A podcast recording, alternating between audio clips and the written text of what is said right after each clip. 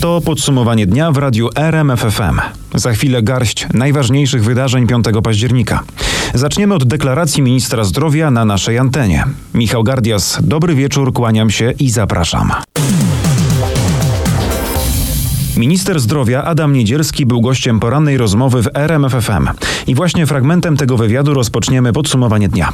E, Przypomnę jeszcze, że we wtorek mieliśmy ponad 1300 nowych infekcji koronawirusem. Zmarło 46 osób. Kolejna fala pandemii się niestety rozkręca, a za nieco ponad 3 tygodnie uroczystość Wszystkich Świętych. I właśnie w tym kontekście Robert Mazurek zadał pierwsze pytanie. Czy znowu pan nam zrobi niespodziankę i zamknie cmentarze na wszystkich świętych?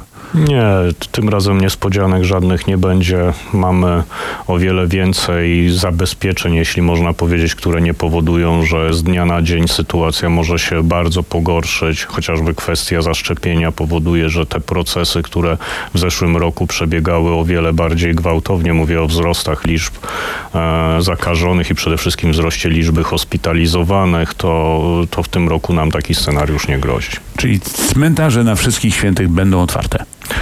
Z, z dużym prawdopodobieństwem, z największym prawdopodobieństwem tak. Panie ministrze, będą wprowadzane lockdowny w e, poszczególnych powiatach? Pytam dlatego, że według kryteriów, które były w zeszłym roku, a i też tych, o których pan teraz mówił, no przynajmniej jeden powiat, Łęczna w województwie lubelskim, powinien być w strefie czerwonej, a dziewięć powiatów e, w trzech województwach powinno być w strefie żółtej. Tak, rzeczywiście my cały czas analizujemy, jak wyglądałaby mapa obostrzeń, e, stosując już te nowe, podwojone kryteria, ale tak jak wtedy też zastrzegałem, to jest pewne założenie i na razie nie widzimy, żeby ta sytuacja epidemiczna, która pogarsza się wyraźnie, to widać, ale ona nie ma jeszcze aż takiego przełożenia na to, co dzieje się w szpitalach, na duże obłożenie e, chorymi. No to między innymi wynika z tego, że e, te przebiegi przynajmniej w większości są e, stosunkowo łagodne, chociaż z drugiej strony warto to powiedzieć, że e, klinicyści mówią, że tym razem wariant delta oznacza, że niestety ten przebieg jest szybszy, jeżeli dochodzi do pogorszenia. No dobrze, widzimy też jednocześnie, że te zakażenia pojawiają się najczęściej w tych województwach, w których jest najmniej zaszczepionych. Cała Polska to 51% mm, zaszczepionych obywateli, lubelskie 43, podlaskie 41, a podkarpackie to tylko 37% zaszczepionych i tam rzeczywiście jest najwięcej. Tak i jeszcze do tego trzeba dołożyć województwo też zachodniopomorskie, gdzie jest stosunkowo mało zaszczepionych i też liczba nowych zakażeń jest stosunkowo największa. No, y, fakty, to są już fakty, to nie są badania dostarczane przez producentów, tylko to, co widzimy dookoła siebie. I to nie jest jedyny argument za tym, że szczepienia już działają. Cała rozmowa czeka na rmf24.pl i na stronie rmfon.pl. Ratownicy wydobyli ciało trzeciego z nurków, którzy zginęli w zalanej sztolni w Sobótce na Dolnym Śląsku. W sprawie niedzielnego wypadku w kopalni Maria Concordia prokuratura wszczęła już postępowanie. Nasz reporter Paweł Pyclik wyjaśni, co wiadomo w tej sprawie. Postępowanie dotyczy nieumyślnego spowodowania śmierci. Jak usłyszałem od prokuratora Radosława Żarkowskiego, będą przeprowadzone sekcje zwłok nurków. Prokuratura ma wyjaśnić, dlaczego trzy osoby nie wypłynęły na powierzchnię. Wiadomo, że byli to doświadczeni nurkowie. Dwóch instruktorów i jeden kursant pochodzili z Dolnego Śląska. Mieli od ponad 30 do 52 lat. W kopalni magnezytu Maria Concordia zakończono wydobycie w latach 60. ubiegłego wieku. Zalana sztolnia jest często wykorzystywana do ćwiczeń. Najpierw doszło do kłótni, później 28-letni mężczyzna zaatakował nożem o rok młodszą kobietę i 7-letniego chłopca. Do takich ustaleń dotarli reporterzy RMFFM. Chodzi o sprawę rodzinnej tragedii w mieszkaniu przy ulicy Krakowskiej w Tarnowie. Chłopiec zmarł. Zarówno dziecko, jak i dorośli to obywatele Ukrainy. Kobieta i mężczyzna z ranami kłutymi pod nadzorem policji są w tarnowskim szpitalu. O szczegółach tej tragedii Marek Wiosło. Z nieoficjalnych ustaleń wynika, że do kłótni doszło, ponieważ 28-letni mężczyzna chciał wracać na Ukrainę, na co nie zgadzała się jego partnerka. To wtedy miało dojść do tragedii. Nożem zaatakowany został 7-letni chłopiec. 27-letnia kobieta uciekła do sąsiadów, a mężczyzna wyskoczył z okna. Oboje mają rany po użyciu noża. Wyskoczył z okna, a policjanci, którzy podejmowali interwencję, po prostu podeszli do niego, a on był na trawniku przed budynkiem. Kobieta również wybiegła z mieszkania, pobiegła do sąsiadów, yy, przebywają w szpitalu. Czekamy na to, co powiedzą lekarze, czy będzie można z nim wykonywać czynności. Mówił Paweł Klimek z Komendy Miejskiej Policji policji w Tarnowie. A teraz o sytuacji na polsko-białoruskiej granicy. Ostatniej doby odnotowano prawie 600 prób nielegalnego przekroczenia granicy z Białorusi do naszego kraju. Piotr Bułakowski mówi o tym, ilu osobom udało się dostać na naszą stronę. Pogranicznicy zatrzymali 34 Irakijczyków i jednego obywatela Konga. E, Od sierpnia udaremniono ponad 10 tysięcy prób nielegalnego przekroczenia granicy polsko-białoruskiej. Półtora tysiąca osób zostało zatrzymanych w głębi kraju i przewiezionych do ośrodków dla uchodźców. Porównując e, sierpień z wrześniem, e, mamy tutaj dwukrotny wzrost e, takich nielegalnych e, prób przekroczenia mm, granicy. Minionej doby mm, funkcjonariusze Podlaskiej Straży Granicznej zatrzymali też sześć osób za pomaganie w organizowaniu nielegalnego przekraczania granicy. To dwóch obywateli Rumunii, obywatel Libii, obywatel Holandii, Ukrainiec oraz Polak. Jak się dowiedziałem, mieszkaniec województwa pomorskiego. Od początku tego miesiąca takich e, osób zatrzymano już 26. Jak zauważa nasz dziennikarz, imigranci szukają różnych sposobów, aby przedostać się właśnie do Polski. Tak, e, funkcjonariusze Straży Granicznej, e, którzy kontrolowali granicę na rzece Bóg, ujawnili próbę przerzutu imigrantów e, na pontonach. M, Po przybyciu patroli e, wycofano się z tego zamiaru. Na brzegu jednak pozostały liny, które miały być e, wykorzystywane właśnie przy e, przeprawie imigrantów na polską stronę. Straż Gra- Graniczna m, poinformowała, że no, będzie częściej kontrolowała teraz właśnie ten odcinek, bo prawdopodobnie imigranci będą ponownie m, próbowali przeprawić się do nas pontonami.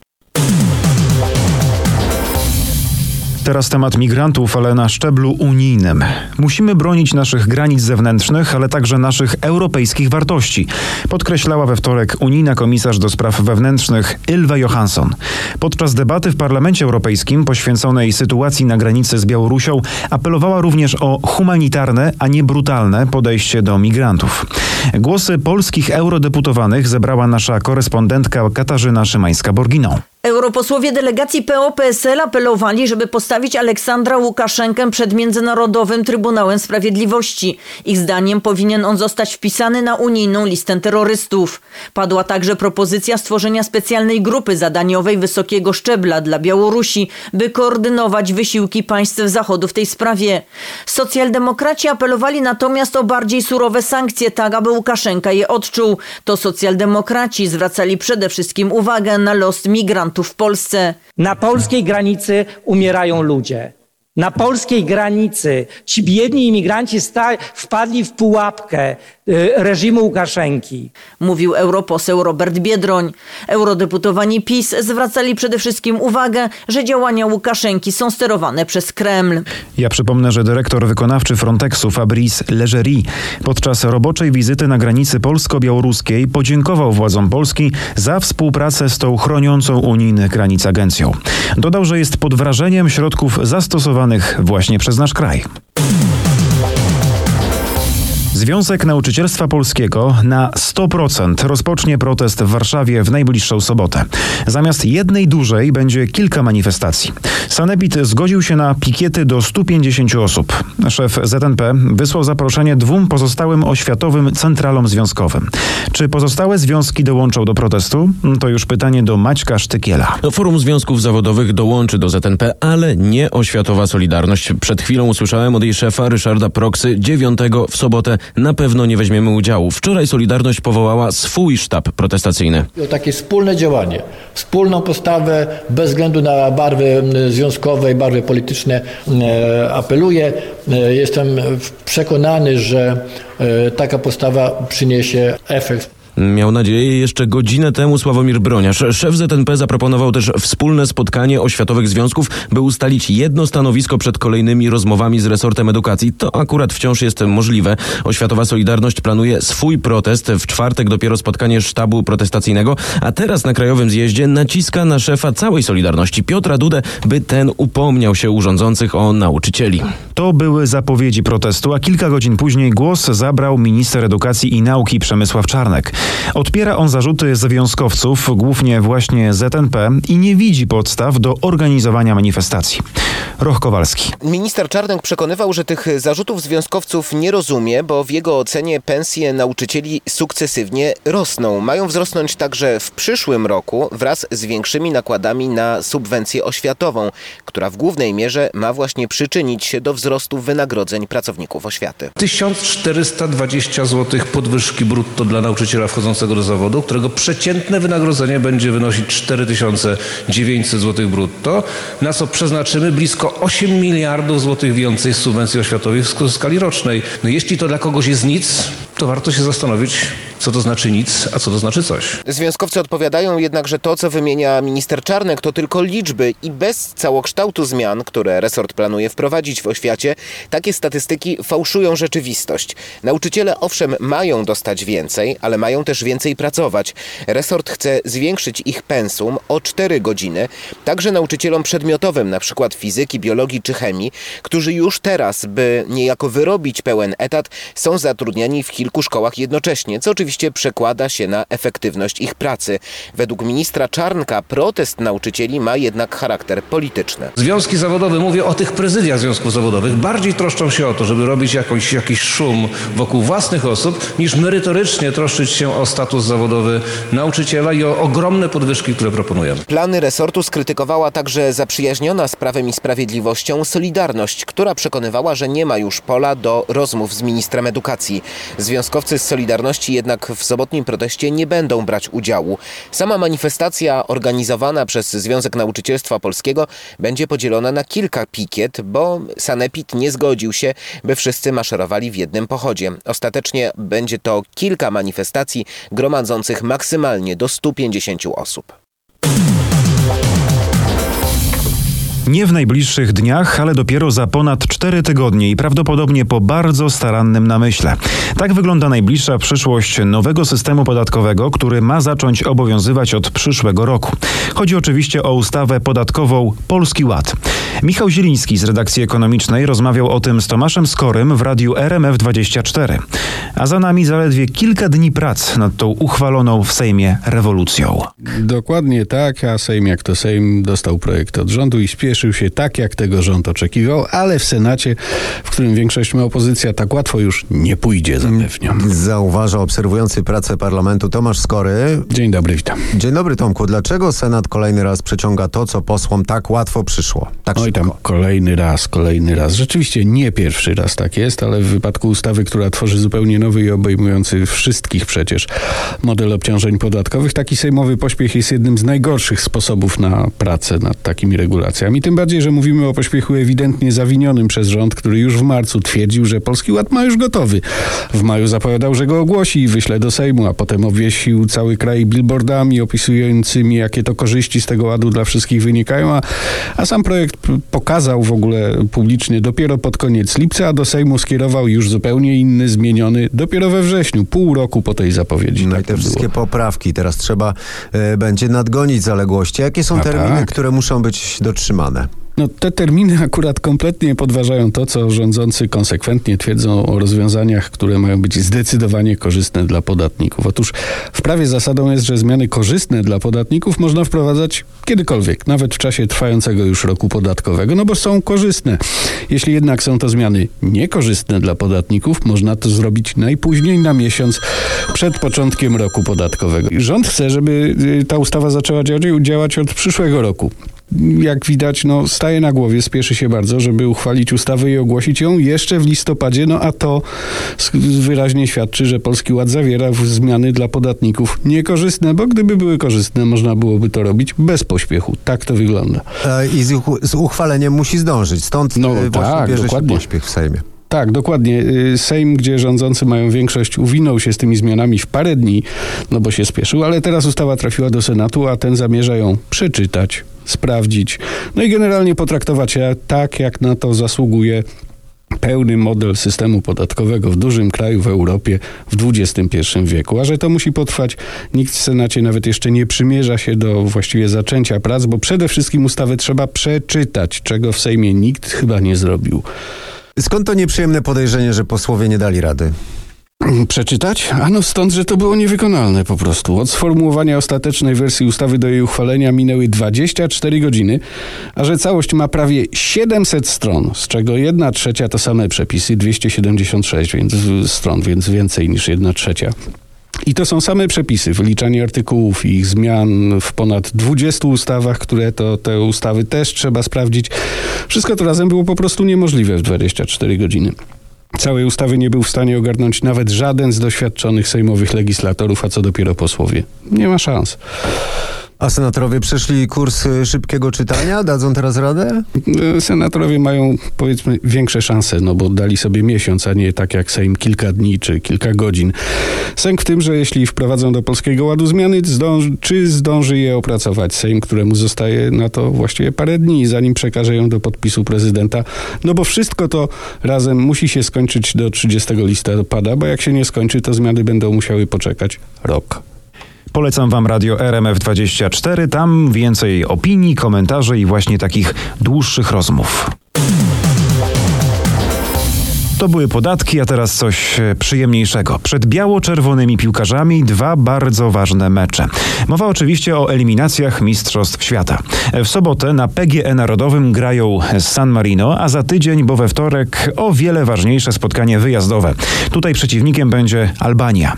Na ostatniej wtorkowej konferencji piłkarzy wystąpił nie kto inny, a jak sam Robert Lewandowski. Pytany był m.in. o wyzwania. Zdecydowanie zespół z Albanii dobrze wyglądał, mając piłkę przy nodze, dobrze faktycznie rozgrywał, to przesuwał, grając e, piątką z tyłu i my za dużo pozwalaliśmy przeciw, przeciwnikowi na, na to, co oni chcieli grać, więc na pewno to jest e, z naszej strony dużo, dużo do poprawy. Oczywiście zdaję sobie sprawę, że ten pierwszy mecz e, jest jakby przygotowanie do tego drugiego, ale z drugiej strony jak popatrzymy początek drugiej połowy w San Marino, to jednak no, nie da się e, zrobić niczego, a nie wygrać meczu na 95%, tylko lepiej zagrać na, na 100%, w miarę szybko to załatwić, ewentualnie później już sobie kontrolować e, przebieg spotkania i, i myśleć o, o kolejnym, a jeśli chodzi o Albanię, to musimy się skupić na sobie i na tym, jak zagrać albo co powinniśmy lepiej właśnie zrobić, czego nie robiliśmy w pierwszym spotkaniu, a powinniśmy w drugim spotkaniu zrobić. Oczywiście gdzieś tam przewagę tego wyniku z pierwszego meczu mamy, ale z drugiej strony wszystko będzie zależało od nas, jak pozwolimy też e, Albanii rozegrać to spotkanie i na jaki poziom ewentualnie wyjść, ale zdaję sobie z tego sprawę, że jest wielu naprawdę zawodników w zespole Albanii, którzy potrafią grać, rozgrywać tą piłkę, mają doświadczenie na, na arenie międzynarodowej, więc na pewno mamy wielki szacunek do nich, ale Oczywiście bardziej powinniśmy skupić na tym, co my powinniśmy i jak powinniśmy lepiej grać, żebyśmy nie pozwalali przeciwnikowi na, na rozwinięcie skrzydeł. A San Marino to ostatnia reprezentacja w światowym rankingu FIFA. Zajmuje teraz y, 210 miejsce. We wtorek też odbył się pierwszy trening piłkarskiej reprezentacji Polski. Zabrakło jednak Bartosza Bereszyńskiego, Piotra Zielińskiego i Damiana Szymańskiego. No bo wszyscy trzej rozgrywali swoje ligowe mecze w niedzielę, więc no zwyczajnie odpoczywali. Na miejscu był też Radosław Majecki, co ważne, który zastąpił kontuzjowanego Bartłomieja Drągowskiego. Słuchacie podsumowania dnia? No bardzo ładnego dnia, niemal letniego, a przecież mamy jesień od kilkunastu dni. To wręcz idealne warunki, żeby wyskoczyć na przykład w góry. Ale trochę was zasmucę, bo na szlakach czeka nas w środę deszcz, deszcz ze śniegiem, a nawet sam śnieg. Takie są prognozy pogody w Tatrach. Trudno w to uwierzyć, bo w Zakopanem termometry wskazywały we wtorek 20 stopni. Był też ciepły wiatr, a na szlakach można było spotkać wielu turystów. Nikt się nie spodziewał. Mamy październik, piękna pogoda, jak kurczę w sierpniu. Naprawdę polecam wszystkim od- odpoczynek w, w polskich naszych pięknych górach. Trzeba korzystać z ostatnich promieni słońca, póki jeszcze można, bo z tego co słyszałem, to chyba jutro czy pojutrze załamanie pogody, także korzystać ile, ile można. Jakimś śniegiem nawet straszą. Y, Możliwe, możliwe, dlatego tym bardziej mówię. Ruszać na szlaki, zwiedzać. No bardzo Super jest. fajna. No. Nie za No, gorąco, super jest, bardzo. Nie, fajną pogodę na, na Kasprowym iść. No nie? Z tymi liściami takie prze ten. Inne Zmienia się kolory kolor, teraz, no jesień. teraz to fajnie. A cieplutko widziałem, niektórzy w krótkim rękawku nawet chodzą jeszcze. No Jak tak, trzeba iść do góry, to tak, to się zrobi gorąco, nie? to prawda. Jak to się udało, że, że w, tym, w tym czasie przyjechaliście i tak trafiliście idealnie? pogodę? My, że z, my z Ameryki przyjechali, no to, Aha, no to, no to takie było i no dwa dni, co było pięknie, a potem resztę to będzie lało deszcz, no to... To Czemu nie, prawda. czemu nie zużyć taką dobrą pogodę, no nie? Trzeba skorzystać. No tak. My tak zamawiali specjalnie. Wspaniała. No, wspaniała. Mm, Towarzyszy Udało nam nam się. od piątku taka wspaniała pogoda. Jak nie październik zupełnie. Dokładnie. A to jest nasz urlop letni. Dopiero, Zaległy. dopiero. A no to idealnie. Jak w lecie, Dokładnie, tak w jest. górach troszkę zimniej, ale jest super. Z racji tego, że wieje. Spodziewaliście się takiej? E, Nie, sprawdzaliśmy cały czas prognozę, ale y, nie spodziewaliśmy się, że będzie aż tyle słońca. Myślę, że jednorazowo nam się udało i, i, i za to dziękujemy górom. Naprawdę pierwszy urlop w tym roku mamy i, i chcielibyśmy go w 100% wykorzystać.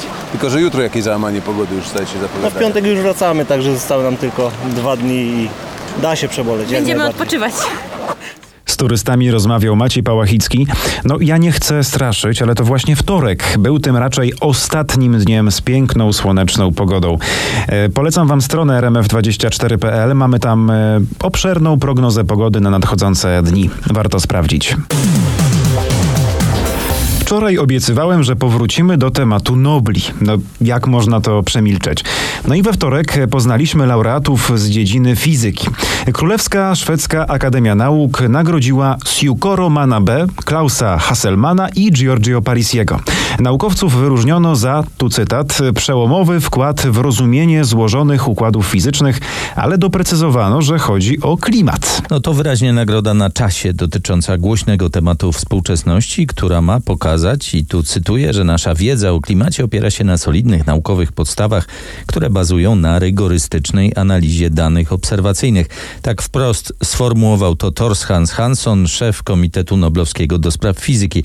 No w sumie nagrodę przyznano za badania chaotycznych i przypadkowych procesów. Manabe i Hasselman położyli fundamenty pod naszą wiedzę na temat klimatu i tego, jaki wpływ wywierają na klimat ludzie, a Parisi wniósł wybitny wkład w teorię materiałów nieuporządkowanych i procesów losowych. Brzmi to tyle tajemniczo, co ogólnie. Czym konkretnie ci panowie się zasłużyli? Czy pokazał zależność między rosnącym poziomem dwutlenku węgla w atmosferze, a wzrostem temperatury powierzchni Ziemi w latach 60. ubiegłego wieku doprowadziło to do stworzenia pierwszych modeli klimatycznych, a, Nabe, a Manabe jako pierwszy badał zależności między bilansem promieniowania, tym co pada i tym co wypromie- Ziemia wypromieniowuje, a pionowym przemieszczaniem się mas powietrza. Mniej więcej 10 lat później Hasselman stworzył model wiążący ze sobą pogodę i klimat. To nam się do tej pory ciągle miesza. I odpowiedział na pytanie, co sprawia, że modele klimatyczne mogą być wiarygodne w dłuższym czasie, mimo że zjawiska pogodowe są silnie zmienne i chaotyczne. Hasselman opracował też metody identyfikacji takich szczególnych sygnałów. Nazwano to odciskami palców, które opisują w jaki sposób zjawiska naturalne albo działalność człowieka wpływają na klimat. Tych metod użyto, by potem potwierdzić, że wzrost średniej temperatury atmosfery wiąże się z towarzyszącą działalności człowieka emisją dwutlenku węgla. A pan Parisi zajmował się tematem bardziej ogólnie i teoretycznie, tak? Tak, jak pisze w swym komentarzu Komitet Noblowski około roku 1980 odkrył pewne ukryte prawidłowości dotyczące takich z pozoru całkowicie nieuporządkowanych, złożonych układów. Jego odkrycia stanowią kluczowy wkład do teorii opisujących te układy, pozwalających zrozumieć często losowe zachowanie rozmaitych materiałów, przebieg losowych zjawisk, procesów, Podobno nie tylko w fizyce, ale też różnych innych dziedzinach, nawet matematyce, biologii, neurologii czy procesach uczenia maszynowego. No właśnie, układem złożonym o szczególnym dla nas znaczeniu jest atmosfera Ziemi i panujący tu klimat, stąd prace Parisiego i tu znalazły swoje zastosowanie. Z Grzegorzem Jasińskim rozmawiał Michał Zieliński i to była ostatnia informacja w tym podsumowaniu dnia. Z kolejnym wracam już jutro. Michał Gardias za dziś bardzo dziękuję, życzę dobrej nocy i do usłyszenia.